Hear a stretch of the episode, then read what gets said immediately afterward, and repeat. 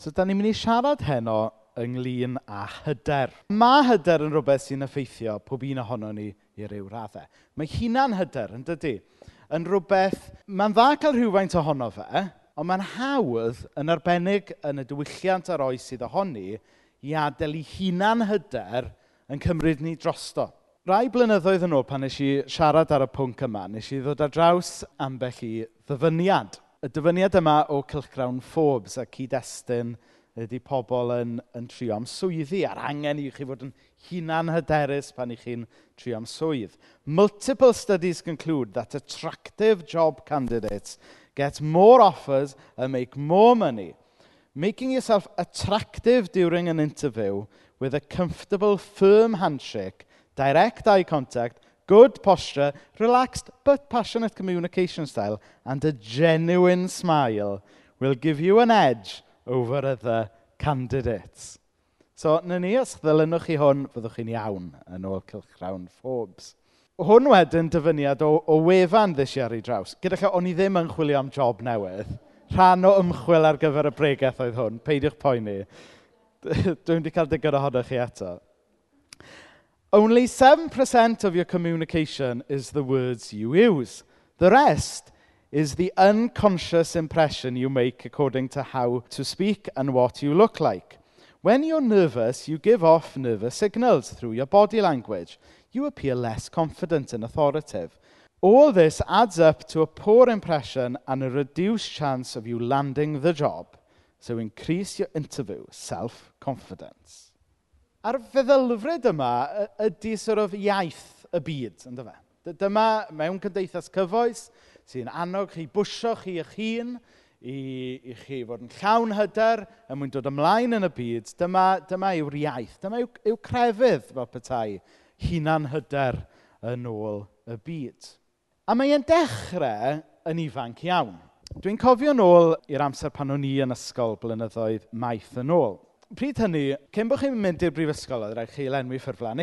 Icas allan, yw hwnna'n rhywbeth chi dal yn wneud?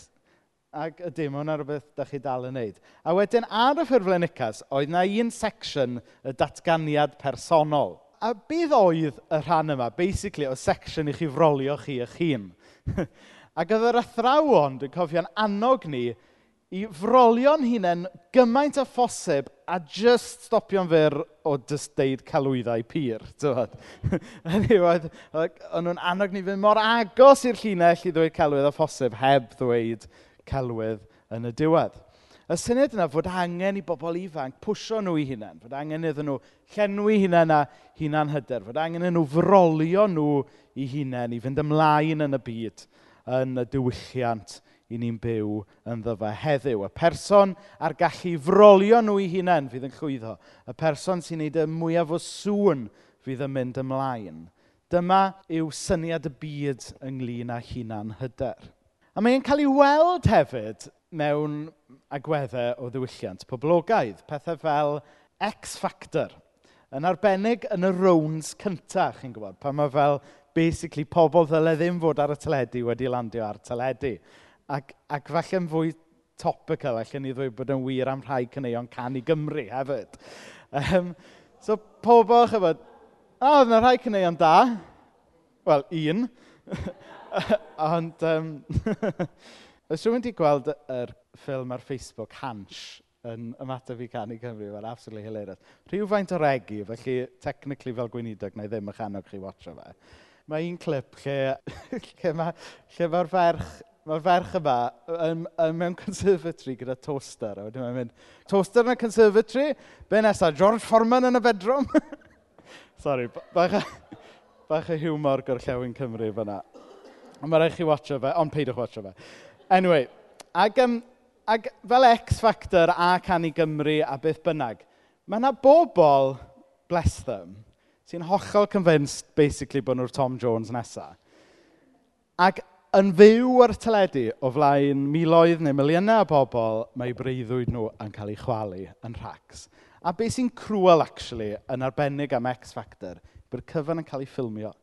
A bod methiant pobl, ond dwi e ddim jyst yn fethiant, na, mae, mae yn fethiant pobl sydd wedi cael eu camarwain i feddwl bod ganddyn nhw rhyw ddawn, does ganddyn nhw ddim. Mae breuddwyd nhw'n cael eu chwalu fel adloniant i bobl eraill. A mae hwnna'n horrible really, yn dydy. Da ni gyd wedi gwylio rhaglenni yma, a dwi fel pawb arall wedi chwerthin.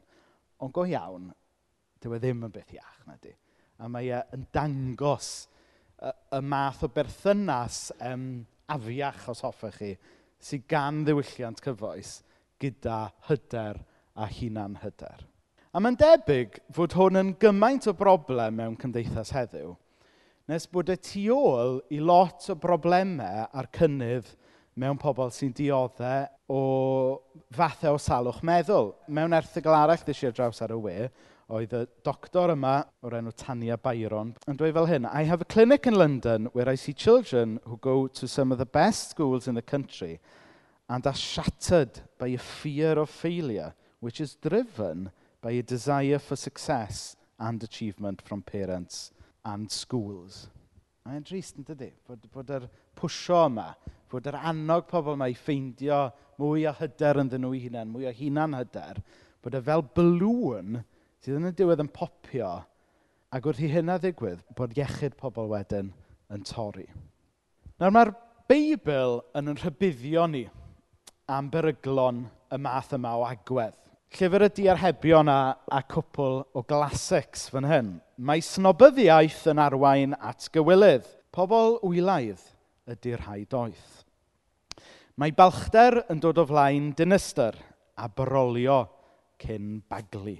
Mae mwy o obaith i ffwl nag i rywun sy'n meddwl ei fod yn gwybod popeth. Mae'r Beibl yn atgoffa ni, mae'r posture gorau i'r Cristion beth bynnag yw gwyleiddra. Nid i feddwl yn ddrwg amdanoch chi'ch hun, mae hwnna wahanol ma' diffyg hunan barch, mae hwnna'n broblem arall. A ni ddim yn trafod hwnna heno. Ond beth i ni'n trafod heno ydy'r perygl o gael gormod o hunan hyder. Nawr un oedd yn gwybod rhywbeth am hunan hyder a wedyn a ddysgu beth oedd hyder yn Iesu oedd yr apostol Paul. Pan ni'n cyfarfod yr apostol Paul cyntaf yn y Beibl, i enw fe oedd Saul pryd hynny. Ac oedd e yn iddew brwd. Oedd e'n llawn ohono fe ei hun. Ac yn y llythyr at y Philippiad, a wnaethon ni edrych ar yr adnodau yma, syl diwetha hefyd, mae e'n basically yn dangos sut oedd e'n showan off ei hun cyn bod e'n adnabod Iesu. Byddai gen i ddigon o sail i ymddiried yn hynny taswn i eisiau. Mae gen i fwy o le ymddiried yn y math yna o beth na neb. Ces i fe yn yn wythnos oed, felly wrth bod fi'n mynd trwy list yma, dychmygwch bylwn jyst yn mynd yn fwy ac yn fwy, oce? Okay? Ces i fe nweidi yn wythnos oed, dwi'n dod o dras iddewig pyr, dwi'n aelod o lwyth Benjamin, dwi'n siarad Hebraeg fel y mae fy rhieni, roeddwn i'n pharisead oedd yn cadw cyfraith Moses yn fanwl, fanwl, roeddwn ni mor frwd nes i mi fynd ati erlyd yr Eglwys Gristnogol. Yn ôl safonau, mae'r gyfraith y ddewig yn ei hawlio, doedd neb yn gallu gweld bai arna i. Oedd e'n boastful iawn yn dweud, oedd e'n llawn hunan hyder. A dwi'n meddwl un peth sydd yn rhywfaint o hwyl, ond hefyd yn helpu ni weld beth sy'n mynd mlaen fan hyn, ydy cyfieithu hwn i'n diwylliant ni. So, gadewch ni drio wneud hynny. So, Ces i fy nweidion wythnos oed. Es i i'r capel o fewn tri diwrnod o gael fy ngeni. Dwi'n dod o deulu Cymru Cymraeg Pyr. Dwi'n dod o Wynedd hyd yn oed. Dwi'n siarad Cymraeg fel mae fy rhieni. O'n i'n cadw rheolau'r urdd i gyd, um, a geis i lwyfan pan o'n i dim ond yn bedwar oed. Dwi'n perthyn o bell i Dafydd Iwan. Uh. Ond chi'n deall, chi deall y pwynt, ddo, dydech? Tyfod? Oedd, oedd, oedd Paul jyst yn brolio'r holl rinweddau yma oedd gyda fe fel iddew da. A mae mor hawdd i ni slipio falle i wneud hwnna mewn rhyw ffordd be bynnag yw'n cefndir neu'n cyd-destun ni, o forolio ni yn hunain a jyst bod yn hyderus yno ni yn hunain, llenwi'n hunain a hunain hyder. Ond yn achos Paul, fe nath i fylwn fyrstio wrth bod yn cyfarfod Iesu. Nath e weld bod ei hunan hyderau dim ond yn gallu mynd â fe hyn o'r ffordd trwy fywyd tuag at y diw nath ei greu e i ddechrau. A mae ym ymlaen yn bellach i ddweud wrth y Philippiaid wedyn. Ro'n i'n cyfru y pethau yna i gyd mor bwysig ar un adeg, ond o achos beth wnaeth y Meseia, dyn nhw'n ddau ddim bellach. Does dim byd mwy gwerthfawr bellach na'r fraint aruthrol o gael nabod fy arglwydd y Meseia Iesu. Dwi'n gallu byw heb y pethau eraill i gyd cyn belled am mod i'n cael y Meseia. Sbwriel ydy'r cwbl o'i gymharu a chael perthyn i'r Meseia. Nawr, beth sy'n ddiddorol am Saul yn troi'n Pôl? Trwy y llyfr actau mae yn berson hyderus, ond beth sydd wedi newid ydy sail i hyderau. Ar ddechrau llyfr yr actau, person hunan hyderus, llawn ohono fe'i hun, brolio ei hun. Ond wedyn ar ôl cyfarfod Iesu, mae e dal yn byw bywyd yn hyderus, mae e nawr a hyder yn Iesu a be mae Iesu wedi wneud drosto fe. Mae e a hyder yn yr efengil grisnogol. A dyna sut oedd e'n gallu dweud wrth y rhufeiniad. Does gen i ddim cywilydd o'r newyddion da o gwbl. Dyma'r ffordd rymus mae Dyw'n gweithio i achub pawb sy'n credu. Yr iddew a phawb arall hefyd. Dyma'r newyddion da sy'n dangos i ni sut allwn ni gael perthynas iawn a Duw. Felly ar ôl dweithio chi beidio bod yn llawn ohonoch chi eich hunain, dwi'n mynd i ddweithoch chi fod yn llawn o Iesu. Fel Cresnogion, falle bod tuedd gan y byd i fod yn llawn o, o hunain, Ond falle bod peryg i'r Cristion fod hollol ffordd arall a meddwl, wel, pechadur di nod ydw i, be allai i wneud? Wel, ti yn bechadur, ond ti'n bechadur sydd wedi cael maddeiant. I gymharu a gogoniant Dyw, dydyn ni neb, ond mae Dyw wedi rhoi i ysblander i ni.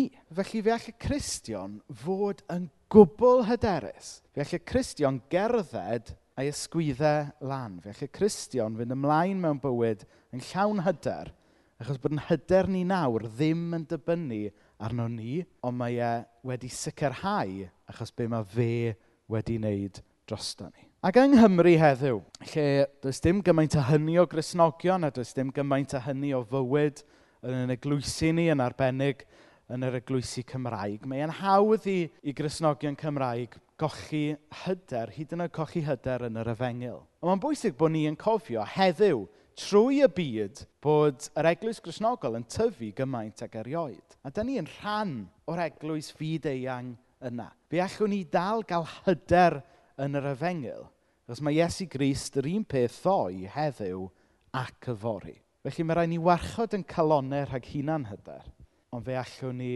fynd ymlaen yn hyderus yn enw ac yn be mae Iesu Grist wedi a dal i wneud yn ein bywydau. Newn ni weddio. O ddiw dad, i ni'n diolch bod ni wedi gallu myfyrio fan yna ar yr hyn nes di newid y mywyd Pôl. Ni'n diolch fod Pôl ei hun yn rhannu stori gyda ni yn y Beibl. Bod yna gyfnod le oedd e'n llawn ohono fe ei hun, yn brolio, yn hunan hyderus am bopeth bydol, diwylliannol oedd yn mynd o'i blaid e. Oeddi ni'n diolch fod ti wedi delio ag agwedd calon Pôl a bod ti wedi dangos dy hun iddo fe a bod e wedyn wedi darganfod hyder lot dyfnach a lot mwy, sef hyder yn Iesu, yno ti dy hun a be nes di drosto fe. O ddiw dad, ni'n gofyn i ti wneud gwaith tebyg yng nghalonau pob un ohono ni. Mae'r Cristion fel pawb arall o ddiw dad yn gallu gadael i'n balchder, a'n hunan hyder, gymryd gormod o le yn yn bywyd a gwthio ti allan. Felly ddiw dad, delia gyda calonau pob un ohono ni o'r newydd heno yma o ddiw dad, helpa ni fel Cresnogion gofio y gallwn ni barhau i fod yn hyderus, ond nawr bod yn hyder ni ddim yn rhywbeth i ni'n gallu coginio o fewn yn calon yn hunain, ond bod ni yn gallu cael yn hyder wrth edrych ar Iesu a chofio beth wyt ti wedi gwneud a beth wyt ti'n parhau i wneud yn ein bywyd ni. Helpa ni hefyd fel eglwys i fod yn bobl sydd yn hyderus wrth rannu'r newyddion da am Iesu. O Dduw dad, i ni'n gofyn ti fod gyda ni gyd nawr wrth i ni ymateb mewn can. Amen.